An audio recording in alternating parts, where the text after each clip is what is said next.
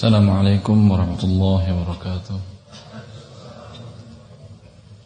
إن الحمد لله نحمده ونستعينه ونستغفره ونستهديه ونتوب إليه. أشهد أن لا إله إلا الله وحده لا شريك له. أشهد أن محمدا عبده ورسوله.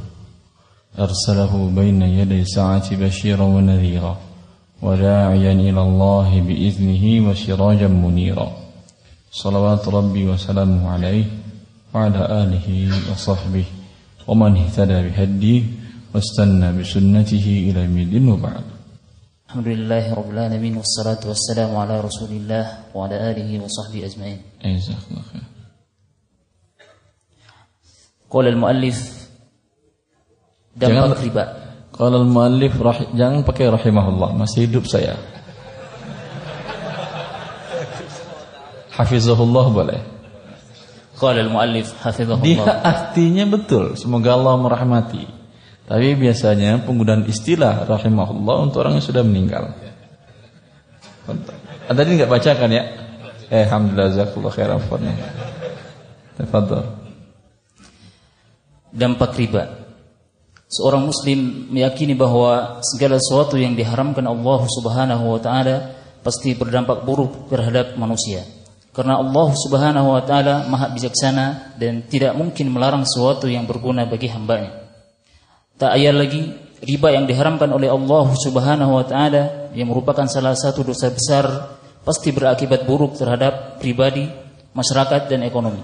Berikut ini penjelasan beberapa dampak bentuk buruk riba. Iya, betul. Dampak riba terhadap pribadi. Dr. Abdul Aziz Ismail, dosen di salah satu fakultas kedokteran di Mesir, dalam bukunya Islam dan Kedokteran Modern, menyatakan bahwa riba merupakan salah satu penyebab timbulnya berbagai penyakit gangguan jantung. Subhanallah. Dikarenakan Sebentar, sebentar. Menakutkan atau tidak?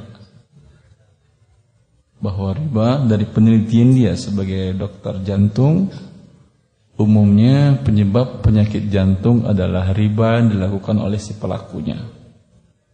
Tapi jangan anda balik. Ketika ada saudara Penyakitnya apa pak? Jantung. Tuh ente riba aja kerjanya sih. Mungkin iya tapi menasihati dengan yang baik. Ya mungkin secara ilmu medisnya mungkin ada ini, ada kolesterol segala macam. Tapi tidak ada salahnya bahwa bertobat juga daripada Allah dari riba-riba yang pernah dilakukan atau yang sedang dilakukan dan umumnya umumnya kaum muslimin sedang melakukan riba umumnya. Siapa yang per hari ini bisa beli rumah tanpa riba? KPR kan riba. Ada jarang. Siapa yang per hari ini bisa beli mobil dengan cara tanpa leasing riba? Jarang. Siapa per hari ini yang bisa memiliki kendara- kendaraan roda dua tanpa riba? Jarang sekali. Sampai roda dua, roda satu mungkin bisa kali ya antum. Roda satu tanpa riba, alhamdulillah bisa Ustaz. Ya udah roda satu aja. Jangan roda dua pakai riba tersebut. Berarti permasalahannya adalah permasalahan yang berat. Baik, Allah terus. dikarenakan seorang murabi orang Murabi ya. Murabi bukan murabbi. Murabbi pendidik. Murabi tukang riba. Awas salah ente. Nanti marah sekelompok orang yang sering memanggil gurunya murabi. Guru ente memang murabi sih. Tukang riba artinya. Bedakan ya.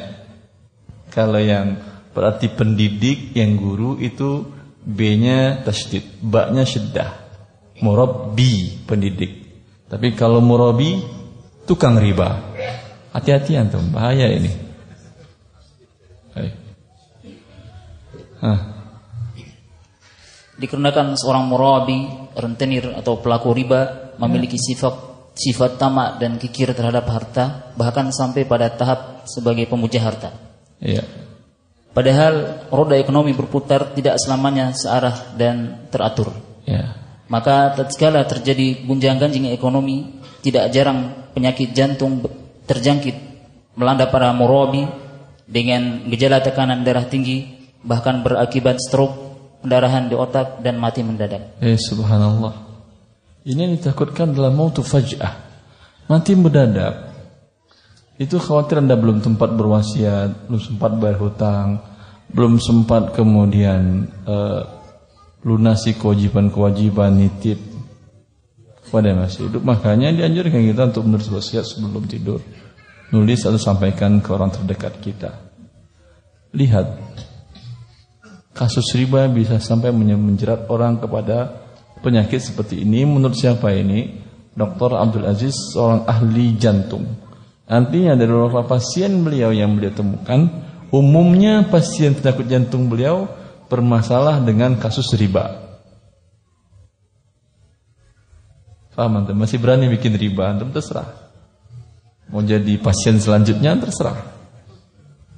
Benar ya, benar. Waktu terjadi pernah pasar eh, saham, pasar saham Saudi Arabia bermasalah. Karena di waktu itu saham kan secara ini ada yang halal, ada yang haram. Kemudian saham di sana waktu itu bisa diperjualbelikan melalui internet. Sehingga banyak ibu-ibu yang di rumahnya kerjanya jual beli saham. Dan sebagian mereka tidak memperhatikan tentang kaidah syariat di dalam jual beli saham. Nah, saham subhanallah bisa di rumah Anda bisnis. Tahun berapa? Saya masih di Saudi waktu awal masuk Saudi saya.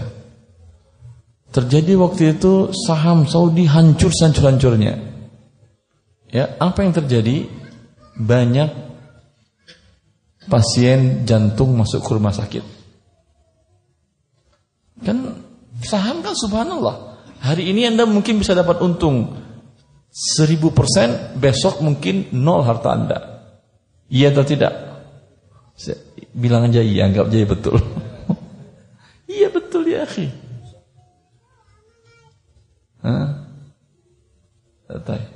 Allah barik fikum. Fadal. Seorang murabi sebagai pemuja harta tidak memiliki sifat belas kasih. Ya. Padahal sifat belas kasih sangat dibutuhkan oleh setiap pribadi. Ya. Karena sifat ini merupakan ciri khas manusia, maka orang yang tidak memiliki dikatakan tidak berperi kemanusiaan. Dalam kenyataannya, rentenir dikenal dengan julukan lintah darat, di mana dia mengisap darah orang yang diberi kredit tanpa rasa belas kasih. Dia tidak memperdulikan isak tangis dan rintihan orang yang diberi kredit, diberi, diberinya kredit untuk diberi kesempatan agar dapat membayar hutang dan bunganya. Dia serta merta menyita rumah dan tanah penerima kredit untuk menutupi hutang tambah bunga tanpa memikirkan kondisi si miskin. Terus dan sifat peri kemanusiaan tersebut bukan saja dicabut dari hati murabi perorangan termasuk juga murabi dalam bentuk sebuah institusi. Ini kasusnya pernah ya, nyata kasusnya ini kalau nggak salah saya. Masih ingat antum? Ya, ada salah seorang pengusaha yang mati. Pada saat dicecar oleh debt collector kan ya. Ada.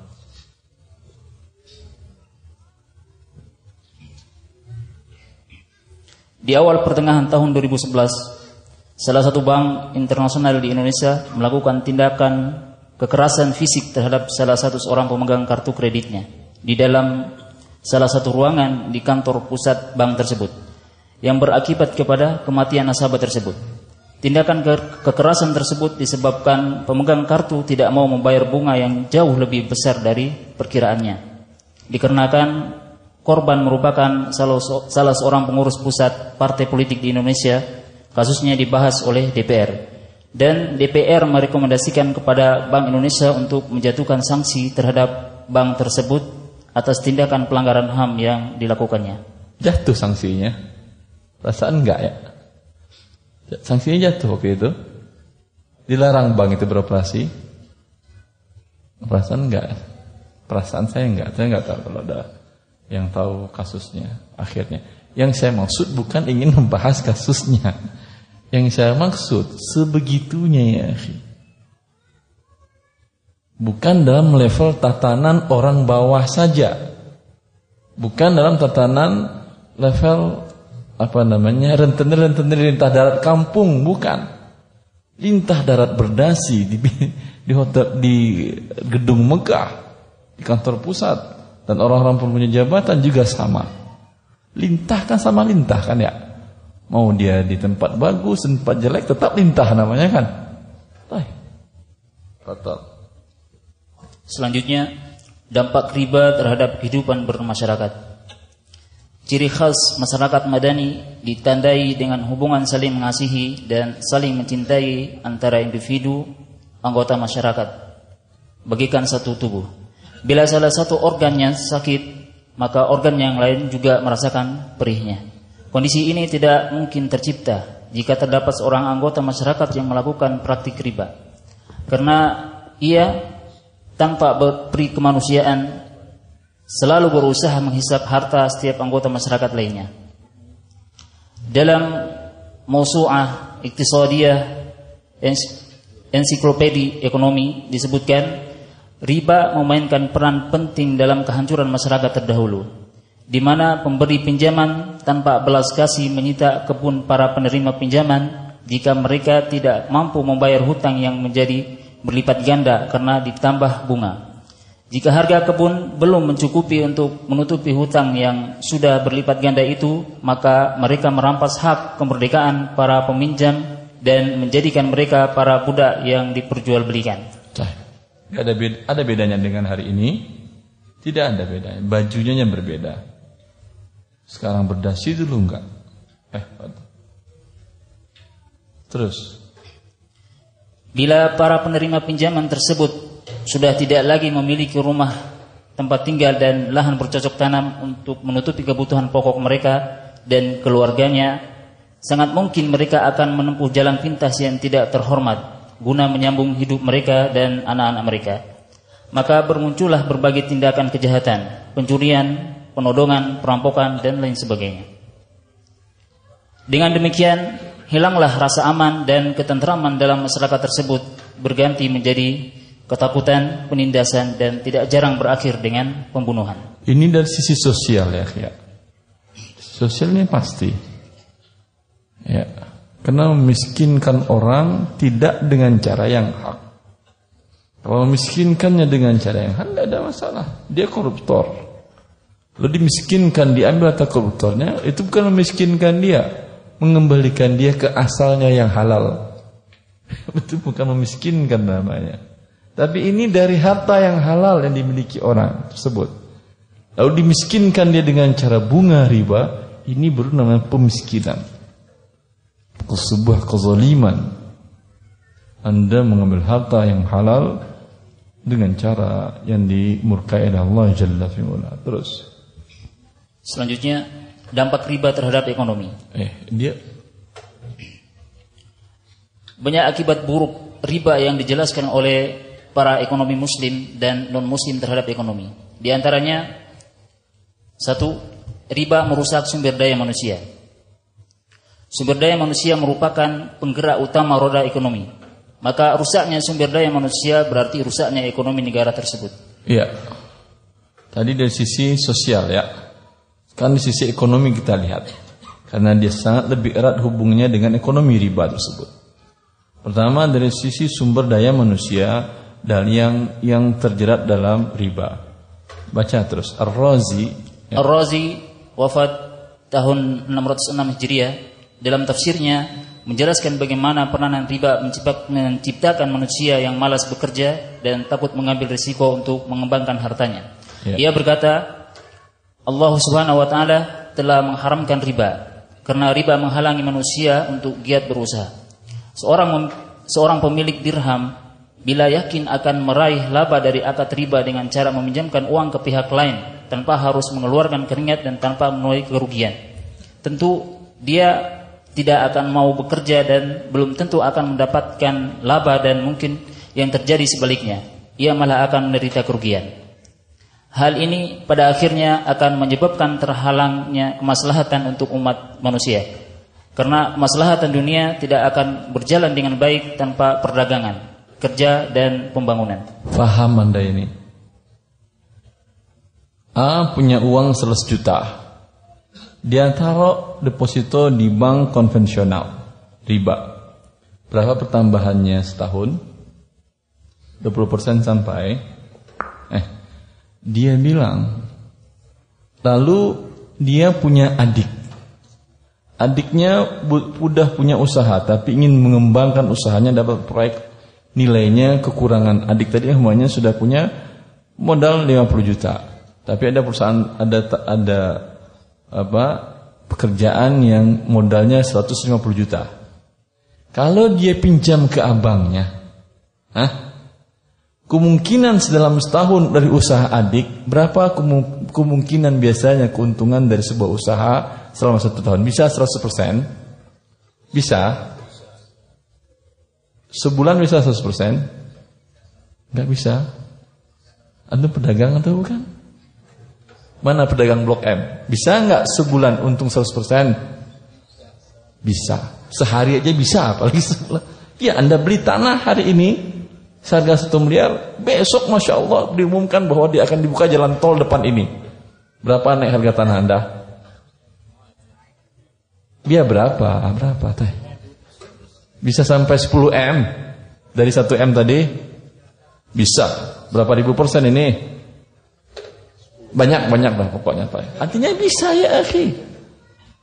Bisa atau tidak? Bisa.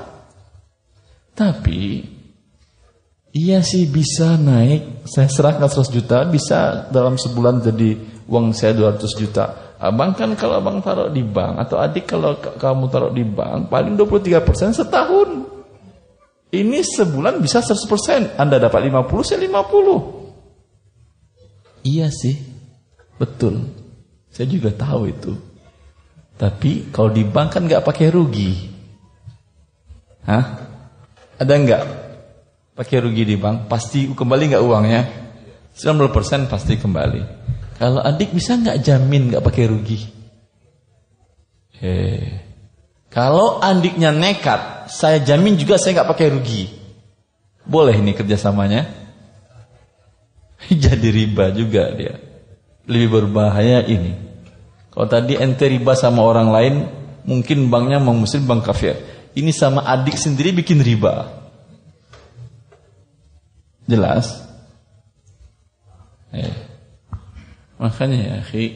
Tapi begini yang adil.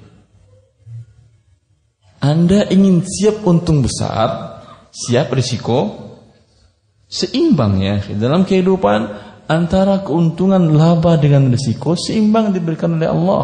Allah atur keseimbangan dengan baik. Lihat jenis perniagaan. Perniagaan yang besar keuntungannya risikonya kecil atau besar? Contoh apa? Apa contohnya? Silahkan para pedagang. Hah? Falas. Itu besar untungnya atau kecil? Besar untung falas. Eh, yang besar untungnya jual beli apa? Properti, risikonya besar atau kecil? Properti besar untungnya. Siapa yang bisnis properti? Yang besar untungnya saya tunjukkan antum. Tapi risikonya besar juga. Jual beli kayu gaharu. Ngambilnya di mana Ustaz? Di pedalaman Iren Jaya di hutan. Ah, sekali digigit nyamuk ente bisa mati atau tidak? Nyamuk irian, ah? Eh, subhanallah. Itu di sana gratis. Kalau tapi nggak tahu secara undang-undang dilarang atau tidak ngambil kayu gaharu.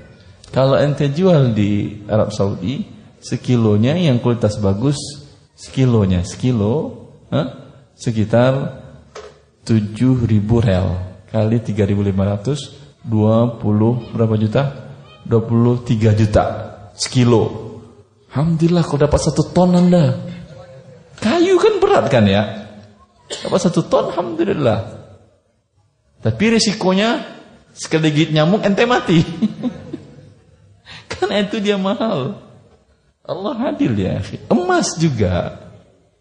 Gampang atau susah cari emas? Susah. Risikonya kecil atau besar?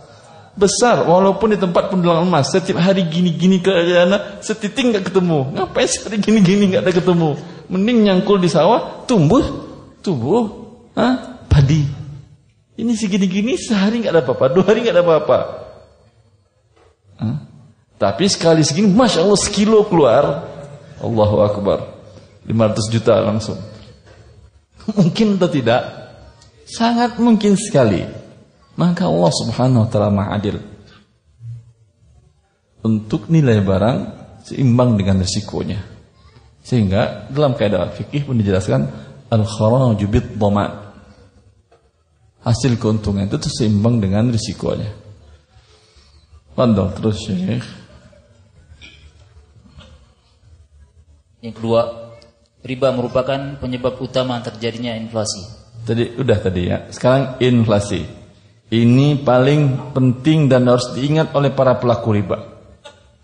Yang Anda zolimi bukan satu dua orang.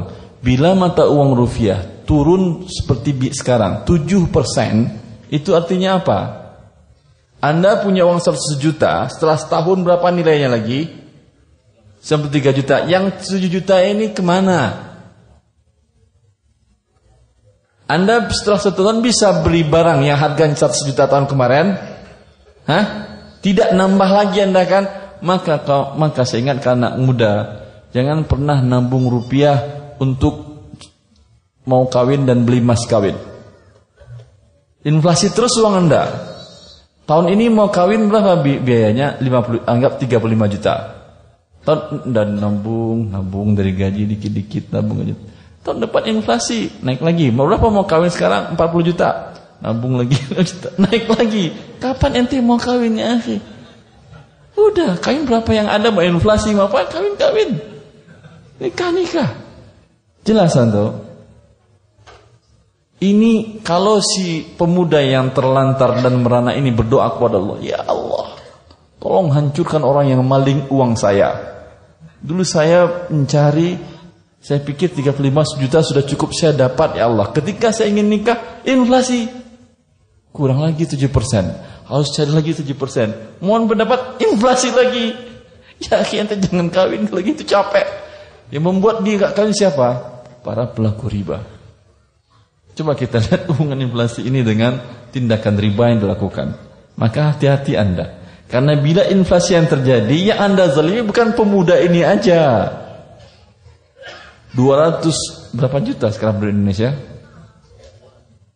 250 230 berapa sekarang di Indonesia? Nanti malu-maluin Ustaz dokter enggak ngerti Berapa berapa jumlah di Indonesia? Hah? 230 200 juta lebih aman kan kalian 200 juta lebih yang anda zolimi dengan cari apa yang anda buat terjadi inflasi semua 200 juta lebih tadi yang megang uang tadi berkurang nilai tukar uangnya gara-gara riba yang dilakukan. Bagaimana caranya? Silahkan dibaca.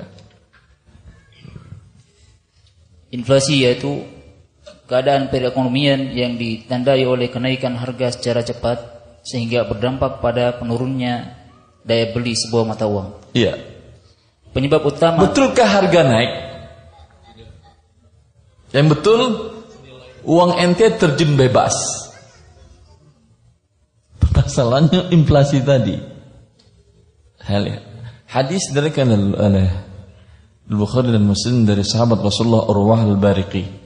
Rasulullah sallallahu alaihi wasallam memberikan kepada beliau uang satu dinar.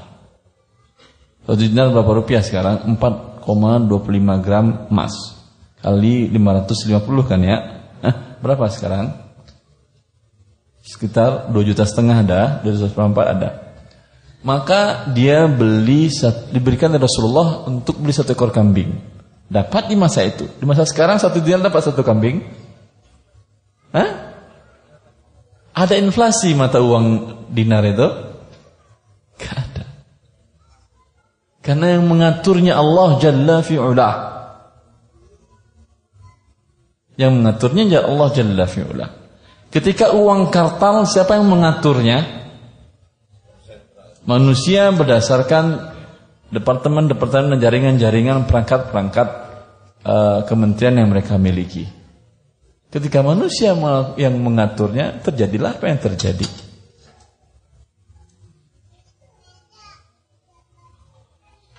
Hah? Harga kambing tahun 80 berapa berapa juta? Kambing untuk kekah, akekah atau kurban berapa juta? Hah? 30 ribu? Nah, 300 ribu kali ya Anggap 330 ribu ya 300 ribu tayyip 300 ribu masih masuk akal Sekarang untuk kami kekah berapa minimal 2 juta kan ya Lihat berapa persen Pertambahannya Dari 300 ribu menjadi 2 juta Ah, berapa berapa kali itu? Berapa persen? Seribu ya, kurang seribu ya. 800 ya. 800 persen baru jarak tempuh cuman 10 berapa tahun saya bilang tadi? Hah? Baru jarak 36 tahun. Ini dari masa Rasulullah berapa tahun itu? Hah? Banyak dah pokoknya. 1000 tahun lebih. 1500 tahun. Sampai hari ini di masa itu dapat satu kambing, sekarang juga dapat satu kambing. Jelas? Allahu Akbar. Maka sebagian orang kampung terkenal lebih cerdas dari kita. Mereka kalau menggunakan barang untuk simpanan, mereka simpan rupiah atau emas yang mereka simpan. Kalau orang kota yang disimpan untuk simpanan rupiah atau emas, sehingga nggak pernah kawin-kawin dia. Karena orang kawin pakai emas bukan pakai rupiah. Iya atau tidak? Dengan emas kawinnya atau rupiah kawinnya? Biasanya apa? Saya nikahkan kamu dengan emas kawin, emas ya kan ya. Bukan dengan rupiah kawin. Makanya orang kota kasihan, lama dia nikah. Orang desa alhamdulillah yang dikumpulkannya emas cepat dia dapat kawinnya. Baik, pulang kampung untuk kalau mau kawin cepat. Allah ibarik. Terus ya, akhi. Penyebab utama terjadinya inflasi adalah riba. Karena produsen yang mendapatkan modal dari pinjaman berbunga pasti akan menambahkan bunga yang harus dibayarnya kepada debitur ke dalam harga barang produksinya. Iya, terus jadi harga jual barang yang diproduksi sama dengan biaya produksi ditambah bunga. Betul atau tidak ini? Pasti ini. Gak mungkin dia bayar bunga dari uang nenek moyangnya sehingga harga tanpa masuk tambahan bunga riba nggak mungkin dia mau dagang bukan mau nyumbang ke ente terus jika suku bunga naik secara langsung harga barang dan jasa menjadi naik sehingga daya beli mata uang menjadi turun ya. ini yang dinamakan cost plus inflation betul itu wallahu alam ana nukil dari terus ah Inflasi yang disebabkan oleh dorongnya dorongan biaya produksi. Nah, taib. betul ini kan ya. Dorongan biaya produksi semua dorongan bunga, bukan dorongan biaya produksi sebetulnya terus. Nah, dan itu kalau naik Ustaz, kalau turun dari mana terjadi inflasi juga? Ah, ada, coba. Mau naik mau diturunkan bunga riba itu, selagi masih ada bunga riba pasti akan ada inflasi. Makanya Jepang kalau saya tidak salah mereka menerapkan kredit dengan bunga 0% untuk menekan inflasi 0%. Kalau saya, saya tidak salah ya informasinya kalau saya tidak salah. Betul itu teman-teman yang di keuangan? Betul. Wallahu alam. Terus mau Jepang mau siapa yang kita ingat syariat Allah. Biar dilakukan oleh Jepang urusan dia. Tapi apakah dia dengan melakukan itu jadi muslim dia? Enggak. Paham tuh? Ayo terus. Dan bila suku bunga turun, maka permintaan kredit menjadi tinggi. Ya, pasti. Suku bunga rendah, orang banyak minjam. Hah, bila pinjaman banyak apa yang terjadi? Hah. Bank-bank pemberi kredit memberikan kredit jauh lebih besar dari fisik uang yang mereka miliki. Fisik uang karena bisa mereka mengeluarkan surat berharga dan lain-lain. Terus, maka bila jumlah uang lebih banyak dari yang semestinya, ya. terjadilah inflasi yang dinamakan demand full inflation. Betul itu bacaannya gitu. Enggak betul ya? Nah, Saya nggak mau baca, anggap aja betul. Tuh. Terus? Nggak bisa. Bahasa Indonesia Inflasi karena mengikatnya per, permintaan. Eh, mau diturunkan tetap inflasi juga. Dinaikin apa lagi? Maka tidak pernah inflasi terhilang kecuali 0% bunga dari kredit. Kapan itu? Ketika riba diharamkan oleh lembaga yang berwenang. Ya, makanya tahun 98 kalau saya nggak salah baca artikel dalam berbahasa Arab, Jepang, betul itu. Jepang untuk kreditnya sudah 0%. Betul. Wallah, siapa yang di keuangan? Enggak ada. Teh, ada. Ini membuktikan bahwa suku bunga yang hakikatnya adalah riba merupakan penyebab utama turunnya daya beli mata uang terhadap barang. Dengan turunnya daya beli mata uang, maka seluruh uang negara tersebut akan berkurang nilai tukarnya. Yeah. Misalnya, seseorang yang memiliki uang 5 juta rupiah dalam rentang waktu beberapa tahun ke depan nilai tukarnya terhadap barang akan turun. Yeah bisa jadi menjadi senilai 4 juta rupiah walaupun nilai nominalnya masih tetap 5 juta rupiah. Paham ini kan ya? Terus. Mungkin ini maka firman Allah Subhanahu wa taala. firman Allah. Makna mungkin, firman Allah mungkin, Subhanahu taala. pasti. Karena enggak mungkin kita tafsirkan firman Allah dengan kondisi ekonomi tertentu. Mungkin mungkin ada hubungan mungkin. Tapi apakah ini maksudnya wallahu a'lam. Allah yang tahu. terus yamhaqullahu riba. Allah Subhanahu wa taala memusnahkan harta riba secara berangsur-angsur. Ya. Ini penurunan inflasi 100% enggak, pelan-pelan pelan-pelan uang Anda berkurang nilainya berkurang nilai daya belinya berkurang daya beli berkurang akibat riba yang dilakukan. Tafadhal.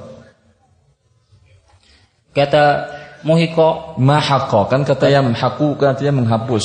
Ah. Kata mahaqo dalam bahasa Arab berarti lenyap secara berangsur.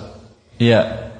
Dikatakan mahaqal qamar karena bulan lenyap secara berangsur. Ya, al-qamar artinya bulan mahaqa. Untuk bulan dikatakan bukan zalal qamar, hilang tiba-tiba, tidak. Tapi mahaqa. Hilang itu berkurang pelan-pelan pelan-pelan. Inflasi seperti itu atau tidak? Maka Allah sifati riba dengan kata yang subhanallah. Ini saya nukil dari Profesor Dr. Rafiq Yunus Al-Misri. Beliau doktor ekonomi ekonom dari Amerika Kemudian beliau mengajar ekonomi Islam dan belajar fikih Islam. Buku beliau main bagus-bagus tentang ekonomi Islam. Dalam fikih ekonomi Islam itu benar bagus. Ya. Kata beliau cocok. Menurut saya ini firman Allah ini bisa dipahami dengan adanya inflasi itu. Lihat, bulan dari bulan purnama, purnama penuh menjadi dia hilang, itu langsung hilang atau pelan pelan pelan pelan. Hah? Yamhak. Yam. Allah gunakan kata yamhak untuk riba. Pelan, pelan, pelan. Hah? Dari yang harganya pertama 100 juta pelan naik, pelan naik. Karena dia tukar uang turun kan? Lihatlah kendaraan mobil roda 4. Mobil Kijang umpamanya Toyota Kijang. Awal muncul dulu berapa harganya? Hah? Berapa? 75. Eh, sekarang kijang itu berapa harganya? Du, du, 200 dapat. 300 300 kalau nggak salah saya. 300 lebih. Dari 75 ya 300. Berarti uang Anda pelan-pelan kurang-kurang karena barangnya itu juga kan ya. Kan cuma sedikit modifikasinya. Apakah kemudian dulu besinya itu adalah besi yang bagus, sekarang besinya ditambah dengan umpamanya apa yang kurang bagus? Walau saya nggak tahu. Plastik ah, plastik sama plastik sama plastiknya sih. Astagfirullah. Antum tipu saya ya. Pokoknya campur dengan bahan yang lebih ringan dan lebih cepat rusak kalau lebih kayak seng. Hah? Kalian kerupuk. Allah Akbar. Paham antum ini? Naik harganya naik standarnya kurang berarti kekurangannya kenaikannya ini bukan sedikit kecuali harganya naik dengan spek yang sama saya subhanallah dulu waktu masih di Arab Saudi teman saya itu punya Toyota Toyota Corolla buat tahun-tahun 82. Wih itu Masya Allah, waktu mogok, diminta kita dorong. 10 orang dorong nggak kedorong beratnya besinya. Tapi saya lupa bannya waktu itu sudah jadi petak atau masih bulat ya. Kayaknya masih bulat, tapi nggak kedorong juga. Subhanallah. Memang dulu tuh besi-besi. Hah? Harganya murah dulu. Di Saudi itu kalau harga segitu paling sekitar seribu, dua ribu dapat. Jelas antum ini maksud kita membahas dari sini bagaimana mukjizat karena ini Al-Qur'an dari Allah. Allah yang tahu mensifati dengan kata-kata yang cocok huh, untuk kata-kata riba tadi. Terus Kondisi harta riba lenyap secara berangsur tepat sekali untuk gambaran inflasi. Di mana daya beli uang berkurang secara berangsur disebabkan oleh riba. Bisa dibayangkan betapa besar dosa berbuat riba. Memang tampak luarnya pihak bank menarik riba atau bunga dari seseorang pengusaha yang dianggap kaya. Tapi pada hakikatnya, bank tidak menarik bunga dari pengusaha tersebut, melainkan dari pengguna akhir barang atau jasa yang dihasilkan oleh pengusaha tersebut. Dengan demikian, yang membayar bunga atau riba adalah jutaan umat manusia yang kebanyakan mereka berasal dari rakyat jelata. Dapat dibayangkan betapa besar kezaliman yang diakibatkan oleh riba yang merupakan penyebab utama inflasi, di mana lebih dari 200 juta penduduk Indonesia akan merasakan dampaknya, yaitu berkurangnya daya beli uang yang mereka dapatkan dari hasil jerih payah yang dikumpulkan dalam kurun waktu yang tidak sebentar. Lalu daya beli uang yang terkumpul tersebut mendadak turun dalam sekejap mata saat terjadinya hiperinflasi. Paham ini saya kira ya. Bukan paham lagi, Anda sudah rasakan pedihnya. kan Indonesia berapa kali? Tahun 98 kemarin huh? inflasi besar-besar kan ya. Nah. Allah Cukup saya kira. Sampai berapa menit tadi penjelasan? Cukup reda 40 menit ya, Alhamdulillah cukup reda ya Saya jawab yang penting antum mau Ramadan kan Karena ya akhi Kalau antum mau Ramadan masih berbuat riba Masih berbuat gharar Berbuat zalim. Gak gunain dia puasa. Serius saya? Coba bayangkan antum Seharian anda yang halal saya katakan Ya akhi ini saya dari jeripaya yang halal dan nulis buku yang halal bukunya haram. Saya hibahkan kepada anda tolong minum air zam-zam. Yang saya bawa ini tapi di saat siang anda puasa ini mau anda?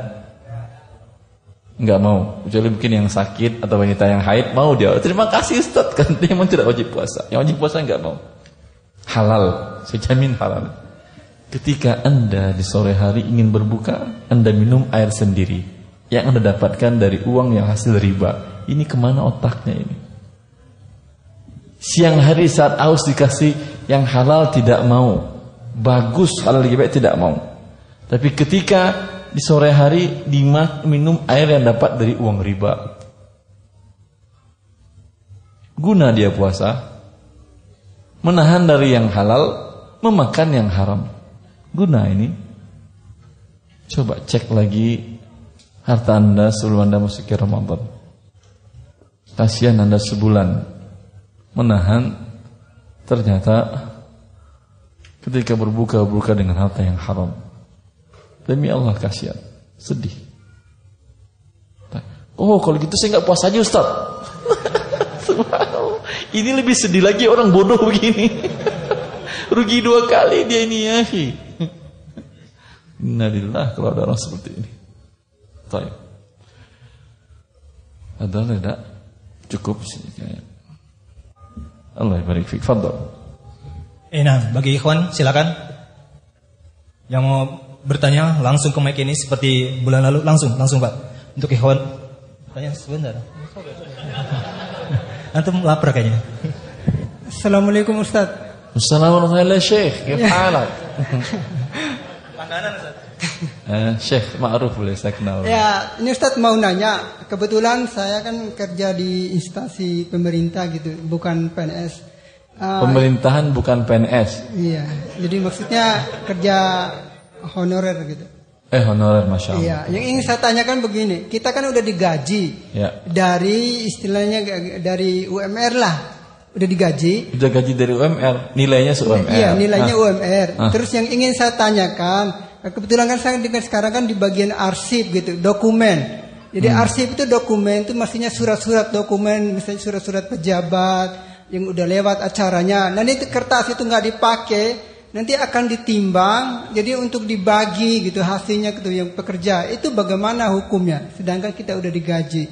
Ini kalau umpamanya tidak anda timbang, tidak anda jual, dibuang atau tidak oleh mereka? di itu di ada apa dari atasannya juga memerintahkan silakan itu eh, ditimbang atau dibagi hasilnya dibagi terus eh, itu akan diberita ada berita acara pemusnahan gitu kertas itu gitu Eh, berarti memang tidak dianggap akal akan dibuang ke tong sampah kan ya? tidak jadi di ini Tidak. aja di, maksudnya Iya kan?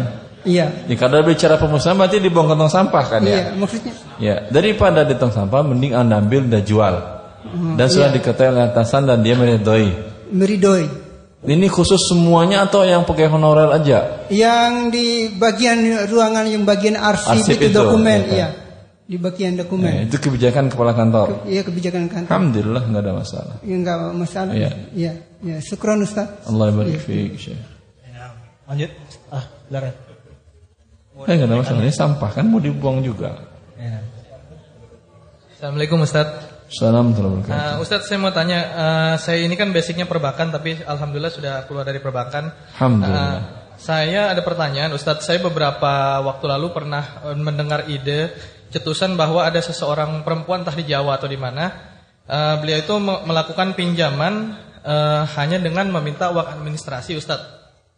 Terus. Jadi tanpa bunga, tanpa uh, denda. Eh. Dia itu meminjamkan orang-orang yang butuh yang terjebak apa terjebak dengan lintah darat, dia memberikan uang uh, dengan syarat hanya membayar administrasi yang sudah ditetapkan saja. Administrasinya berapa? Uh, kalau administrasinya saya nggak tahu uh, sistemnya persentase atau bukan ya Ustadz ya. Itu yang penting. Nanti bisa di halal, bisa diriba dengan administrasi tadi. Kalau misalnya uh, administrasi itu ditetapkan- dulu, nanti saya berikan jawabannya ternyata riba, kasihan si ibu itu. Enggak, maksudnya gini Ustaz, ini saya kebetulan kan karena basic saya perbankan. Maksudnya Ya. misalnya saya mau membuka bisnis serupa gitu Ustaz. Ya. Nah, saya menetapkan eh, bahwa eh, di situ ada administrasi yang sudah saya tetapkan mungkin misalnya untuk pinjaman 1 juta dengan 2 juta itu sama. Saya tetapkan misalnya 50 ribu untuk semua pinjaman. Eh, Apakah 50 ribu ini real atau tidak? eh, real misalnya Ustaz? saya Untuk minta apa aja? eh, maksudnya untuk biaya operasional saya gitu Ustaz. Ya personal saya itu apa saja? Ya kertas eh, Karena menghitung biaya administrasi real itu nggak gampang. hmm. Ja- Realnya kantor saya satu miliar sewanya setahun. Berarti saya harus dapatkan satu miliar, ya kan ya? Jangan hitung satu miliar. Paham antum? Ya. Karena satu miliar kantor ente tadi apakah hanya untuk itu saja? Enggak untuk yang lain juga kan ya? Ya. Maka Allah taala alam. Jadi kalau Bila yang kaidahnya dalam administrasi, bila Anda tidak dapat untung kecuali hanya biaya real untuk jasa, yang untuk itu boleh. Artinya begini. Saya pinjamkan u ada yang pinjam uang, beliau tinggal di Bogor. Saya tinggal di Cilengsi. Ya, Ustaz pinjam uang Ustaz berapa? 10 juta. Silahkan ambil ke rumah. Waduh, saya repot Ustadz ninggalin us kerja begini-begini. Kan Ustadz ada ada sekolah, ada ngajar di Bogor kan ya? Ah iya ada. Sambil Ustadz ke sana nanti bawa uangnya, ah saya bayar biaya Ustadz ke sana. Jelas? Ya. Ini tidak boleh. Karena saya ke sana tetap akan datang walaupun tanpa dibayarin dia. Maka sekarang ini manfaat kecuali dia mengatakan saya katakan saya nggak ada ke Bogor, udah nggak apa-apa Ustad, saya nggak ada waktu. Tolong Ustad transfer. Waduh saya nggak punya waktu juga transfer. Atau tolong suruh kurir Ustad, suruh naik taksi. Ah, pinjaman 10 juta naik taksi. Ya udah biar aman. Dan kalau naik taksi dia nanti saya bayar. Saya potong. Kalau ini boleh, tapi biar real. Kan bukan buat saya keuntungnya. Buat saya nggak keuntungannya. Tapi kalau saya datang ke sana tadi saya untung atau tidak? Untung karena apa? Karena biaya kedatangan saya jadi gratis. Ah mantap. Repot masalah. Tapi kalau untuk ingin membuka lembaga, nggak ada. Ambil nomor telepon saya nanti diskusikan. Akad-akad anda, produk anda semoga menjadi satu solusi yang baik bagi kaum muslimin.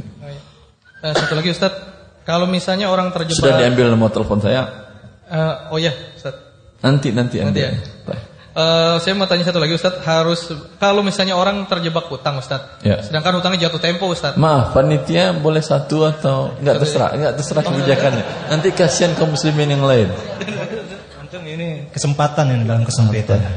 Enggak enggak apa-apa bukan kesempitannya, akhi. Orang ingin lepas dari riba semuanya. Ah, alhamdulillah. Baik, silakan. Dan itu yang kesempitan yang sesungguhnya ketika Anda terjerat dengan riba, sempit dunia akhirat. Fadhal Ustaz. Assalamualaikum Ustaz. Assalamualaikum. Em, saya ingin bertanya terkait eh, tentang online trading, Tentang Eh, toko online.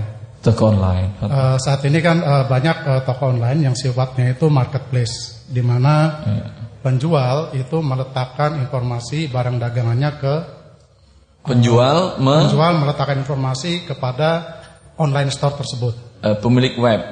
Ya, Gitu. pemilik web. Nah, terus? Kemudian eh, pembeli itu nanti eh, kalau sudah jadi transaksi dia oke dengan barang tersebut, dia akan transfer langsung ke pemilik web tersebut. Nah, pemilik web tersebut akan transfer ke pemilik barang setelah mendapat konfirmasi bahwa barang tersebut diterima oleh pembeli. Nah, itu bagaimana Ustaz? Pertama, ini kan tunai atau tidak namanya? Eh, tunai Ustaz. Barang bisa langsung diterima pakai online? Em, dikirim Ustaz. Tunai atau tidak namanya? Yang tunai itu pada akad ini uang, ini barang. Apakah ketika Anda transfer langsung masuk melalui ATM keluar barangnya? Tunai atau tidak Ya, berarti? tidak Ustaz. Tidak. Maka untuk barang yang disyaratkan tunai tidak boleh. Seperti jual beli emas dengan rupiah. Yang satu ilatnya. Tidak boleh dengan via online. Caranya agar sesuai syar'i COD. Cash and on delivery. Pada saat awal bisa nego harga nanti ketika dibawanya emas kepada Anda pada waktu itu cashnya. Tukar uang dengan emas. Pada saat akad awal itu hanya sekedar perkiraan estimasi harga. Belum harga yang mengikat. Untuk selain itu tidak disyaratkan tunai. Berarti memungkinkan dengan online memungkinkan. Ya. Dengan terpenuhi rukun dan syarat jual beli. Si penjual adalah pemilik barang atau diwakilkan oleh pemilik barang untuk tolong jualkan fee-nya untuk kamu sekian. Karena yang plus market tadi itu maksudnya apa? Apakah saya punya barang, ini punya tolong jualkan barang saya ini. Atau bagaimana bentuknya? Sewa apa yang disewa? Eh, ada beberapa eh, perusahaan online tersebut yang memberikan gratis, Ustadz. Jadi eh, mereka eh, memberikan kesempatan kita untuk meletakkan produk kita, deskripsi, Iklankan produk kita di situ. Diiklankan, tapi Terus, transaksi itu transaksi langsung dengan langsung saya. dengan langsung dengan Pemilik mas- barang. pemilik pemilik ini. Nanti kalau laku dapat fee dia. Tidak, Ustadz. Hah? Tidak. Terus dapat apa dia? Apa doa aja? Ya mungkin dia dari dari dari apa dari eh, iklan dari yang lain lah Ustadz. Dia Eh, dapat. alhamdulillah nggak ada masalah. Ya.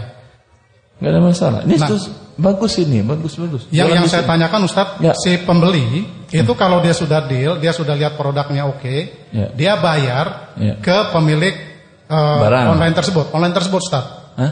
ke pemilik online, ke pemilik web. Pemilik web. Ya, nah kemudian eh, pemilik web tersebut akan menginformasikan kepada si penjual Ya. bahwa ini ada order secara otomatis Ustadz ya, notifikasi dan lain-lain. Ya. Nah kemudian eh, si penjual itu akan mengirim barangnya katakanlah via JNE. Nah pengiriman tersebut akan di track, akan dilihat. Kalau barang tersebut sudah terima oleh pembeli dan pembeli sudah memberikan konfirmasi bahwa barang tersebut sudah terima sesuai dengan pesanan, Ya. baru si eh, pen- eh, pemilik online tersebut web mentransfer ke Eh, penjual. penengah tadi. Ya, baru dia akan Keuntungan dia apa? Eh, dari bisnis webnya itu Ustaz, ada banyak Se- mungkin dari sewa web traffic, tadi saya dan- naruh barang iklan bayar gitu. Enggak, enggak membayar Ustaz, free. Dari yang lain sehingga terkenal tidak atau gimana? Ya, mungkin dari terkenal, mungkin dari apa, dari traffic dan lain-lain Ustaz. Eh, teh, nggak ada masalah. Tapi yang saya gratis Ya. jasanya. Bagus nggak ada masalah bagus. Baik, Allah barik fiik. Sekarang Ustaz. Ini bapak ini kayaknya kaskus serat Tokopedia juga. Kenapa? Salah. Tapi bisa mungkin banyak eh, naruh di sekarang banyak di Tokopedia atau di forum-forum kaskus atau Bukalapak. Mungkin beliau ini sangat aktif Ustaz. Masya Allah. Asalnya. Baik, saya akan bacakan dari akhwat Ustaz. Untuk menjeda dari Ikhwan, ada pertanyaan dari akhwat sudah ditulis di print, jadi sudah dipersiapkan mungkin Masya Allah, bagus. Masya Allah. Assalamualaikum ya Ustaz, saya seorang karyawati swasta di perusahaan minyak yang mengelola tambang gas. Yang mana semua perusahaan migas dikontrol oleh SKK Migas di bawah pemerintah Republik Indonesia. Ya. Dalam hal ini SKK Migas mewajibkan untuk membeli asuransi tambang gas tersebut. Asuransi? Asuransi tambang gas tersebut. Maksudnya apa? Maksudnya apa asuransi tambang gas? Nah, Anda bacakan sampai akhir dulu Ustaz. Ah, Dalam hal, hal ini SKK Migas mewajibkan untuk membeli asuransi tambang gas tersebut dan pertanyaan beliau adalah apakah halal pekerjaan saya mengurusi asuransi tambang gas yang diwajibkan oleh SKK Migas? eh, saya nggak jelas asuransi tambang, tambang ini. Bisa jelaskan maksudnya baga- bagaimana cara kerjanya. Asuransi kesehatan saya paham cara kerjanya. Hah? asuransi tenaga kerja juga saya paham cara kerjanya. Tapi asuransi tambangnya maksudnya gimana? Dia ya akhi, memang asuransi mengandung unsur gharar dan riba. Karena cara kerjanya jelas. Tapi yang tidak jelas, namanya asuransi mungkin saja cara kerjanya mungkin bisa dibenarkan secara syar'i. Saya nggak bisa jawab. Nah, Nah, Anda bisa menjelaskan, Bapak? mungkin ada suaminya yang bersama beliau, penanya. Belum tentu tahu dia. Yang tahu tentu yang bertanya. Baik. Kalau nggak tahu nanti saya cari informasi dulu. Atau- pending dulu. Baik, kami bacakan pertanyaan berikutnya dari akhwat juga. Assalamualaikum ya Ustaz. Kami baru saja menjual rumah untuk menutupi hutang rumah tersebut. Eh, Nah, kami baru saja menjual rumah untuk menutupi hutang. Iya. Dan rumah tersebut selama ini tidak kami tempati. Iya. Eh, lalu bagaimana perhitungan zakatnya Ustaz? Apakah zakat dihitung dari nilai jual rumah atau dari nilai jual rumah yang sudah dikurangi hutang tersebut? Eh, teh. Eh, ibu-ibu ini yang bertanya. Nah, Eh, enggak, saya kalau bisa diskusi langsung. baik, Ibu diperlukan tolong mic, Ustaz. ambil mic-nya ibu. Baik. Tolong pegang mic-nya ibu. Untuk yang penanya tadi mungkin eh, kami akan me- memberikan mic yang bertanya tadi silakan dan mungkin penanya yang sebelumnya ya Ustaz, yang asuransi tambang tadi. Kalian ya. teh. Nah, jadi yang sekarang mungkin yang penanya yang penjual rumah dan yang berikutnya nanti setelah itu mic-nya diberikan kepada penanya yang SKK Migas.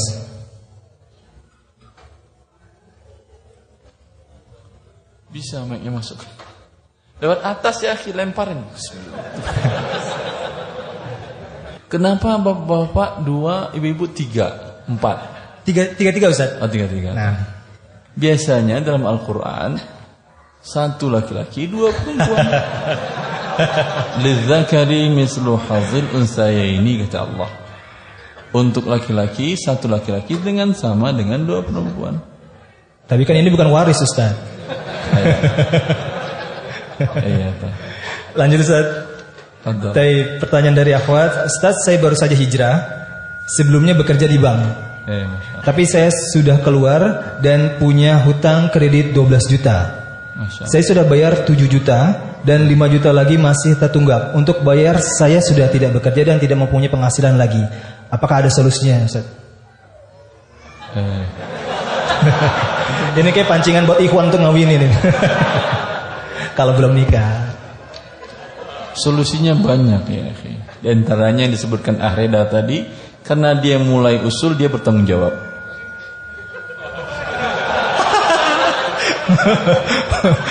Solusi yang kedua, Solusi yang kedua, ajukan ke badan zakat, lembaga zakat. Kalau memang tidak mampu menutupi hutang riba, ini kan termasuk gharimin. Umar bin Khattab radhiyallahu anhu ketika menyatakan berapa yang harus diterima oleh penerima zakat, beliau mengatakan fa'idza a'taitum fa'aghnuhum. Bila kalian memberikan zakat, cukupkan mereka. Si A Hah? Dia punya utang untuk biaya hidup, berobat segala macam selama ini sebanyak 100 juta. Hah? Maka halal bagi dia ada orang berzakat, "Ibu, ini saya zakat 10 juta, halal." Ada Pak adiknya nih zakat saya 20 juta halal. Berberapa? 30. Ada lagi masalah pengusaha, ini zakat saya 70 juta halal selesai hutang-hutangnya, ya kan? 100 juta kan ya? Berapa perkiraan kebutuhan dia hidup setahun ke depan? Dia ada pemasukin sih, pemasukan ada tapi tetap minus. Banyak kalau seperti ini kan ya. Minusnya pemasukan Anda sekitar 2 juta tapi kebutuhan dia dan anak-anaknya dan istrinya sekitar 5 juta. Berarti kurang 2 juta sebulan kan ya? Kali setahun berapa? 2 24 juta. Terima lagi zakat. Tadi 100 juta udah kebayar utang-utangnya. Terima lagi zakat nih Mas, ada zakat 20 juta halal masih. Karena kebutuhan setahun ke depan kekurangannya. Mas, ini ada zakat 5 juta yang sejutanya tidak halal. Karena tadi kebutuhan setahun ke depan cuman kekurangannya 24. Bilang ke dia, yang 3 jutanya saya terima. Yang sejutanya ini kalau hibah saya terima, kalau zakat saya nggak terima. Oh enggak, mas itu zakat. Oh udah kembaliin. Tahu beda antara hibah dan zakat kan ya? Nanti insya Allah kita jelaskan bulan Ramadan. Terus. Baik. Buat yang akhwatnya sudah ada mic? Baik, kalau belum ada mungkin langsung ke Ikhwan dulu untuk menyingkat waktu. Fadol silakan. Assalamualaikum Ustaz. Waalaikumsalam warahmatullahi Istri saya punya usaha bikin kue. Dekatkan ke mic ahi. Istri saya punya usaha bikin kue. Masya Nah, Allah. kadang-kadang eh, terima bikin kue untuk ulang tahun. Eh. Kira-kira hukumnya gimana Ustaz? Pada saat dia pesan untuk ulang tahun, dibilang dia untuk ulang tahun. Bilang. Kuenya khusus kue ulang tahun yang ada angka umur gitu, lilin. Eh, istri saya tidak eh, ngasih penjelasan, tidak mau ngasih apa, tidak mau kasih yang ada nomornya itu. Eh berarti kuenya kue umum. Ya, Ah, boleh. boleh. Eh. Oke, terima kasih Ustaz. Allah yang barik fiik. Karena biasanya digunakan untuk apa namanya ini? Untuk eh, acara resepsinya tadi apa namanya itu? Acara ulang tahunnya tadi yang angkanya seumur dia kan ya. Kalau kue umum boleh alhamdulillah. Kak Ustaz bukankah dia buat ulang tahun? Iya boleh. Walaupun dia ulang tahun. Karena bukan kue khusus ulang tahun. Paham itu? Mana dalilnya Ustaz? Teh. Bukankah ente jual beras kepada orang musyrik dan kafir boleh atau tidak? Padahal dia 24 jam syirik kerjanya. Tapi yang anda jual beras Bukan benda-benda syirik. Tapi yang kalau diminta dia Beras yang warna apa biasanya? Warna kuning ah, di, di apa lagi? Taruh di ini, taruh di ini. Mah, saya nggak jual yang gituan. Tapi kalau beras silahkan Saya jual. Paham? Paham itu? Yang yakin digunakan dan hanya khusus untuk kesyirikan Ini yang tidak boleh ini yang dilarang dalam tolong menolong tadi. Karena kalau tidak begini rancu anda dalam kaidah. Karena kaidah ta'awun tadi terlalu terlalu fatfa, terlalu ngambang. Bisa semua jadi haram, bisa semua jadi halal. Maka di sini orang yang mengerti akan syariat Allah dan tidak. Paham itu? Kalau demikian seluruhnya ketika non muslim datang uh, bukan non muslim, pelaku bid'ah. Anda tahu tetangga Anda pelaku bid'ah. Syekh bid'ahnya di kampung anda tahu anda. Anda anda jual beras, ketika ada datang tutup pintu. Pak beras 100 kilo, enggak enggak enggak enggak enggak. Hari ini saya enggak jualan. Kan masih ada beras. Iya, walaupun masih ada saya nggak jualan pokoknya. Ya, akhi. Bukankah Rasulullah pinjam uang kepada musuh dan beli beras kepada beli beras, beli gandum kepada musuh siapa? Yahudi. Beli dengan cara tidak tunai lagi kepada Yahudi. Boleh. Jelas antum? Nah, kalau nggak nggak bisa hidup antum ini siapa yang buat ini? Muslim atau kafir ini? Assalamualaikum Ustaz. Assalamualaikum warahmatullahi wabarakatuh. Eh, dua bulan atau tiga bulan yang lalu sebelum saya baca buku Harta Halal Muamalat sama dengar kajian Ustaz di YouTube, Eh, saya menganggap eh, riba itu cuma yang haramnya cuma yang berlipat-lipat Ustaz. Jadi Eh. bukan yang dari lembaga keuangan Ustaz. Ya. Jadi sebelum itu eh, harta saya ada banyak menghasilkan yang riba-riba Ustaz. Eh. Saya tahu riba haram cuma yang saya saya pikir ribanya cuma yang berlipat-lipat yang dilakukan perorangan Ustaz. Iya. Jadi baga- bagaimana status harta saya yang saya anggap dulu itu halal Ustaz? Eh, masih ada atau udah habis? Eh, hartanya masih ada Ustaz. Eh, masih ingat berapa pertambahan bunga ribanya? Eh, Alhamdulillah saya catat semua Ustaz. Eh, keluarkan bunga ribanya tadi berikan kepada fakir miskin. Berikan Jelas. kepada fakir miskin. Ya. Eh, saya berniat eh, untuk mengeluarkan kepada saudara-saudara su- di Suriah apa lebih bagus buat saudara-saudara kita di Indonesia Ustaz? Anda jauh banget ke Suriah, tetangga Anda masih ada miskin atau tidak? Ya, saya demi Allah bukan karena gimana pun innamal mu'minuna ikhwah. Orang beriman itu bersaudara. Tetapi saudara yang jauh, saudara dekat beda hukumnya dalam Islam. Maka yang disarankan Rasulullah dalam zakat itu juga demikian. Tu'khadhu min aghniyaihim wa turaddu 'ala fuqara'ihim. Zakat diambil dari yang miskin di antara mereka di mana diambil, berikan ke yang miskin di situ, ambil ambil dari yang kaya di sana, berikan yang miskin di sana. Sehingga terjalin hubungan yang baik antara kaya dan miskin di daerah ini. Hah? Saya orang Padang. Tahu saya tabiat sebagian pedagang orang Padang. Sebagian saya nggak bilang semuanya. Dia cari uang, cari harta, cari rezeki di negara daerah orang, zakat pasti pulang kampung. Ah, ngaku antum ketawanya gede kayaknya ini pelaku sering. ya akhi, jangan bikin iri orang. Tetangganya yang miskin akan ngeliatin kita miskin ini orang kaya ini pedagang kaya Padang ini kok nggak pernah ngasih zakat ke kita ya? Suzon kan mereka jadinya Anda umumkan saya sudah bayar zakat di kampung saya. Taib. Rasulullah begini mengajarkan tidak. Rasul mengajarkan ambil bahkan ketika Umar ditunjuk oleh Rasulullah SAW eh, untuk mengambil zakat dari da- dari sekarang masih daerah, daerah, daerah timur Saudi sekarang. Kemudian diambil dan dibawa oleh Umar ke Madinah. Kata Rasulullah ma ba'astuka jarian aku tidak tunjuk engkau menarik zakat sebagai tukang pajak. Tukang pajak iya ditarik dari mana-mana kumpul ke pusat. Zakat tidak Langsung kata Rasulullah, ambil dari yang kaya mereka berikan kepada miskin di sana. Ini dia yang membangun hubungan baik antara yang kaya dan miskin. Dibawa ke pusat semuanya, dia nggak ngelihat. Ente kirim ke kampung, dia nggak ngelihat. Sehingga nanti iri dia kepada anda. Ini si kaya ini nggak bayar zakat, bakar.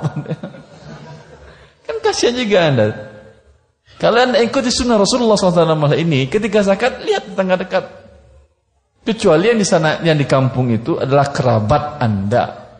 Adik umpamanya, kakak umpamanya, fakir miskin dan lebih jelek kondisinya dari orang di sekitar anda silahkan.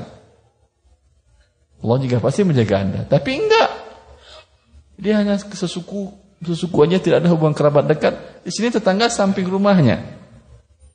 Tidak pernah dapat zakat dari dia. Ini yang wajib ya. Yang wajib ini. Kalau sedekah urusan Anda. Sedekah urusan Anda. Jelas ini. Allah barik fiik.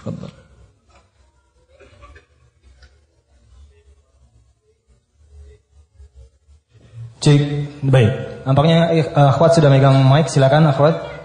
Pertanyaan yang tadi menutupi hutang rumah. Assalamualaikum Ustadz. Assalamualaikum warahmatullahi wabarakatuh Eh, saya yang bertanya tentang eh, penjualan eh, zakat dari penjualan rumah tadi Ustadz. Eh, ulangi.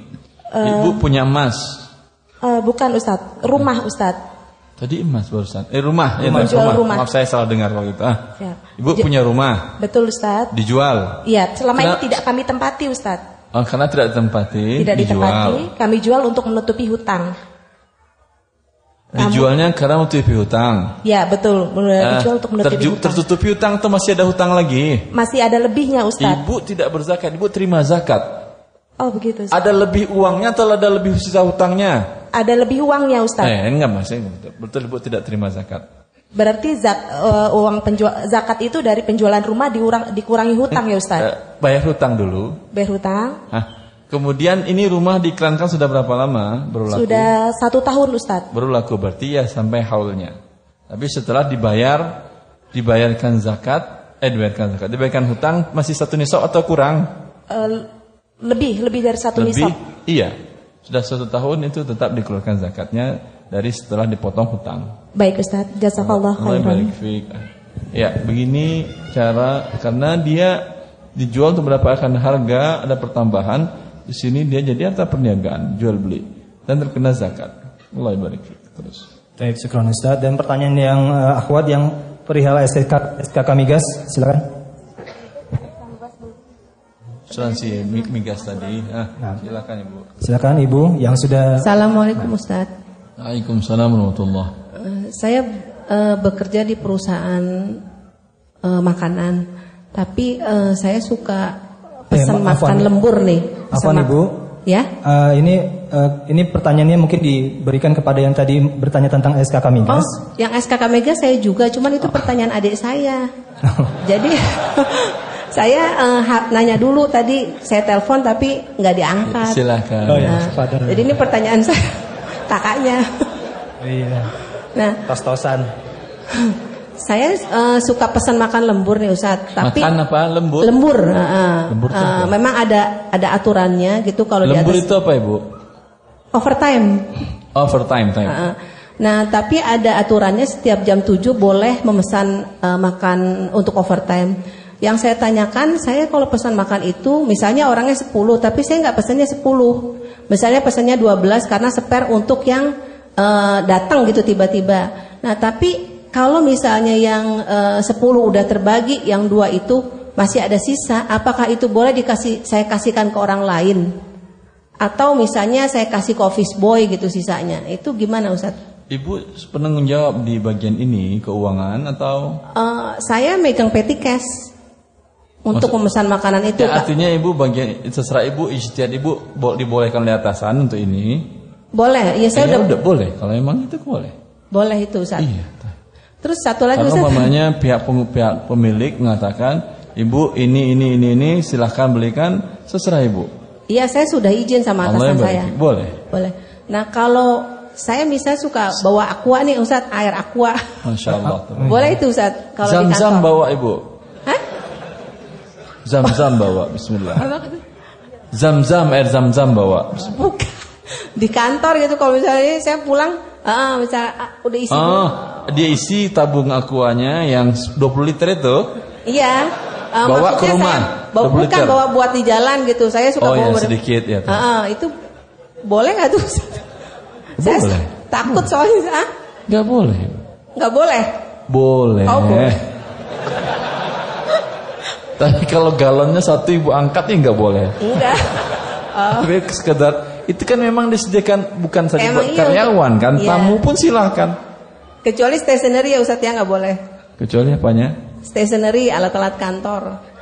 Eh, laptop dibawa ke rumah gitu. Printer sekalian. Bukan suka dipakai buat apa? eh, pulpen misalnya saya kan suka bawa gitu di tas tapi tujuannya sih bukan Dia buat ada di yang rumah. dibolehkan oleh atasan, ada yang tidak. Kalau dibolehkan, kadang laptop kan yang dibolehkan kan ya. Ya, Alhamdulillah yang dibolehkan oleh. Oh, ya. Karena ini akadnya adalah akad dengan pemberi kerja Anda. Bila dia bila dalam akadnya tidak boleh dibawa pulang, nggak boleh dibawa pulang. Oh, iya. Jelas Ibu? Ah, iya, Allah ibadah. makasih ya, Ibu. Ya. Mau nambah lagi Ibu. Ini SKK Mingga jadinya lewat Bu ya. Baik. Pertanyaan dari Ahmad juga Ustaz. mobil saya eh, di terdaftar dalam Grab Car Ustaz. Apa? Grab Car. Jadi mobilnya di Eh, didaftarkan ke dalam Grab ah, Car ah. di mana disyariatkan untuk eh, masuk asuransi Ustaz. Disyariat, disyaratkan. Disya- syaratnya adalah untuk eh, diasuransikan. Apakah hal ini halal Ustaz? Eh, asuransi syariah boleh. Grab car boleh nggak asuransi syariah? Nggak ada masalah bagi dia. Kalau nggak ada masalah nggak ada, boleh, bagus.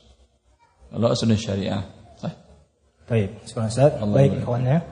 Tapi ada tulisan saya tentang Grab car di dalam buku tambahan buku harta haram. Ada tambahan beberapa catatan untuk seperti pembelian makanan, titip beli, bisa pakai Grab car. Gojek. Gojek bisa, Grab car juga bisa. Itu di awalnya kan Anda dihutangin uang kan ya? Kalau dihutangin uang, dia tidak dilarang oleh Rasulullah. Nah Nabi sallallahu alaihi wasallam an bai'i wasalaf. Berarti an dia hutangin, dia berarti akad pinjam. Anda minjamkan, dia minjamkan uang kepada Anda. Akad kedua adalah jasa. Jasa berapa biaya Grab car-nya. Biaya Grab car-nya ini jasanya, transportasinya normal kan ya. Walaupun Anda berikan hutang, maka larangan tadi tidak termasuk dalam rangka mengandung unsur riba. Tapi biasanya untuk produk lain tidak begitu. Seperti produk lembaga keuangan. Produk lembaga keuangan, kalau Anda sewa SDB, Safe Deposit Box, yang terbesar itu bisa nyimpan 19 kilo emas. Itu setahun sekitar berapa? Harga 700 ribu kan ya sewanya. Tapi kalau Anda pinjam apa ya? Oh, bukan pinjam. Beli emas dengan cara cicil. Produknya sekarang sudah hampir jarang kan ya. Tapi masih ada. Beli emas dengan cara cicil, kemudian emas ini belum diserahkan kepada Anda sebelum lunas. Sebelum lunas tersebut dicas Anda uang penitipan di SDB, Safe Deposit Box tadi. Dan uang penitipannya dihitung bukan dengan biaya real dari sewa biasa. Dia diikat dengan persentase dari harga emas, iya atau tidak? Hah? Maka dengan demikian ada pertambahan yang luar biasa bagi bank. Dan ini sini ribanya, karena dia memberikan pinjaman. Baik, silakan ikhwan.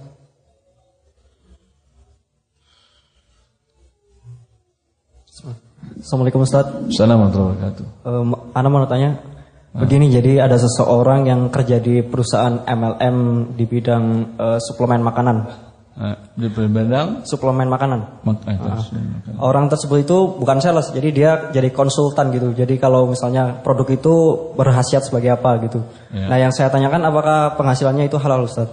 Eh, dia jujur atau tidak konsultannya ini? Jujur dia sebagai apa pakar ahli gizi gitu Ustaz. Mem- Enggak maksud saya, jujur penelitian dia ini bagus atau tidak? Berdasarkan data dari perusahaan itu, Ustaz. Jadi misalnya Kalau data dari perusahaan bukan penelitian dia. Lalu atas dasar apa dia bilang bagus? Paham nggak maksud saya? Saya sebagai umpamanya saya ustadz. Saya bilang ini halal haram penelitian saya atau penelitian orang? Penelitian saya. Kalau penelitian orang saya katakan lembaga fatwa kerja Saudi mengharamkan. DSN mengharamkan, bukan penelitian saya. Tapi kalau saya bilang ini hukumnya haram. Itu penelitian saya atau penelitian orang? Penelitian saya, saya sudah teliti atau belum?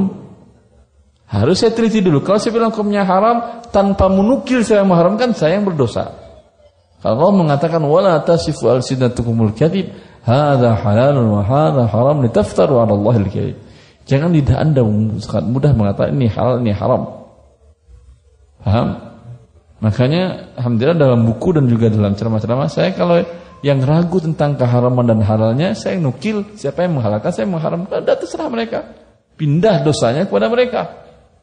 Tapi ketika saya ditanya "Bang Ustaz, halal? Berarti saya bertanggung jawab di hadapan Allah kembali kepada kasus konsultan gizi tadi ya Konsultan gizi.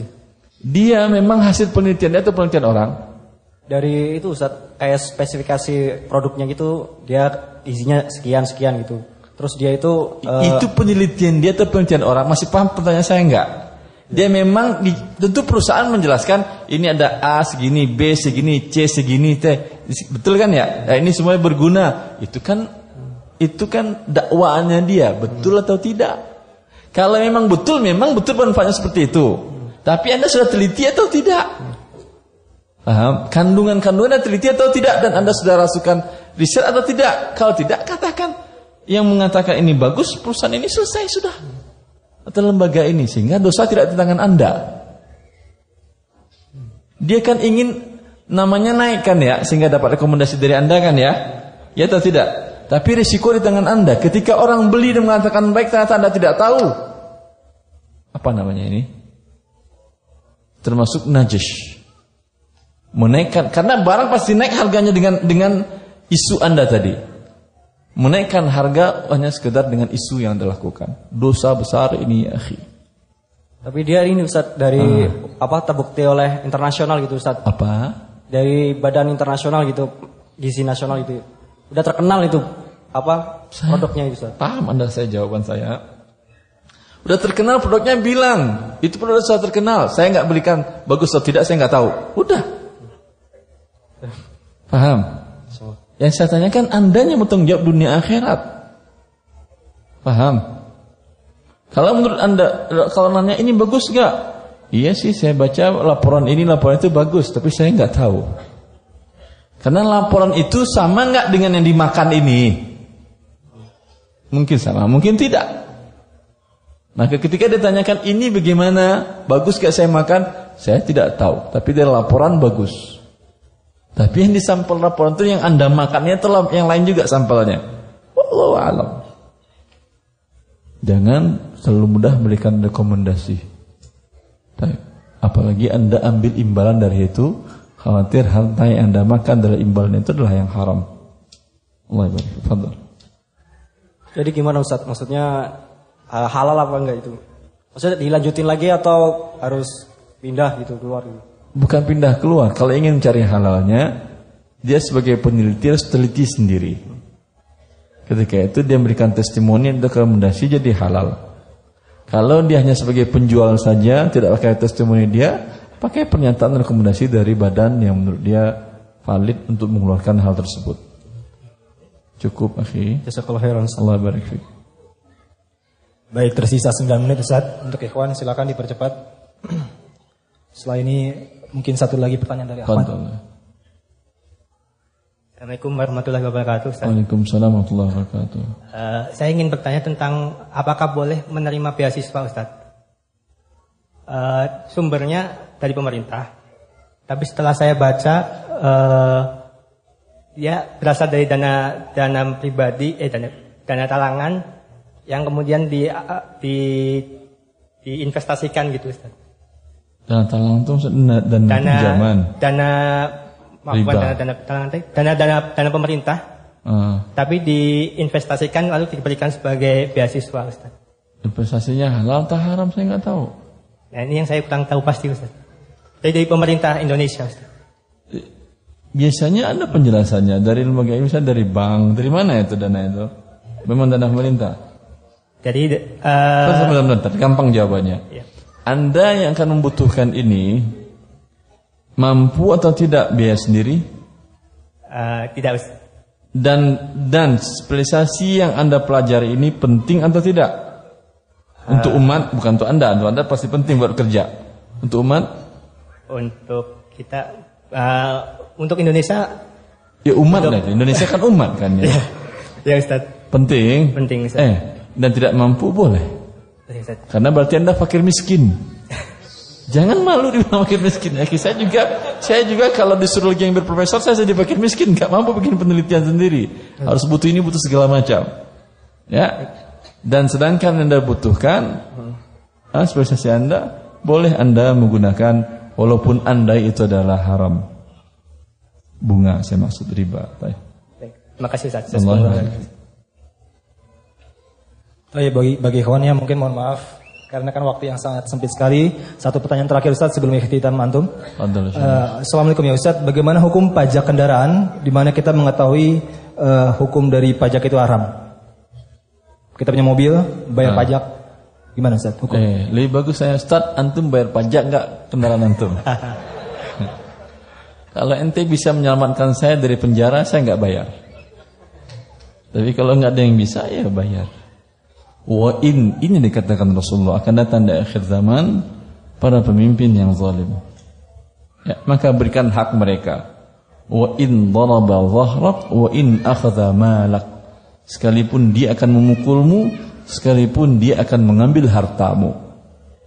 Untuk kemaslahatan Anda dan maslahatan pemerintah tadi silahkan.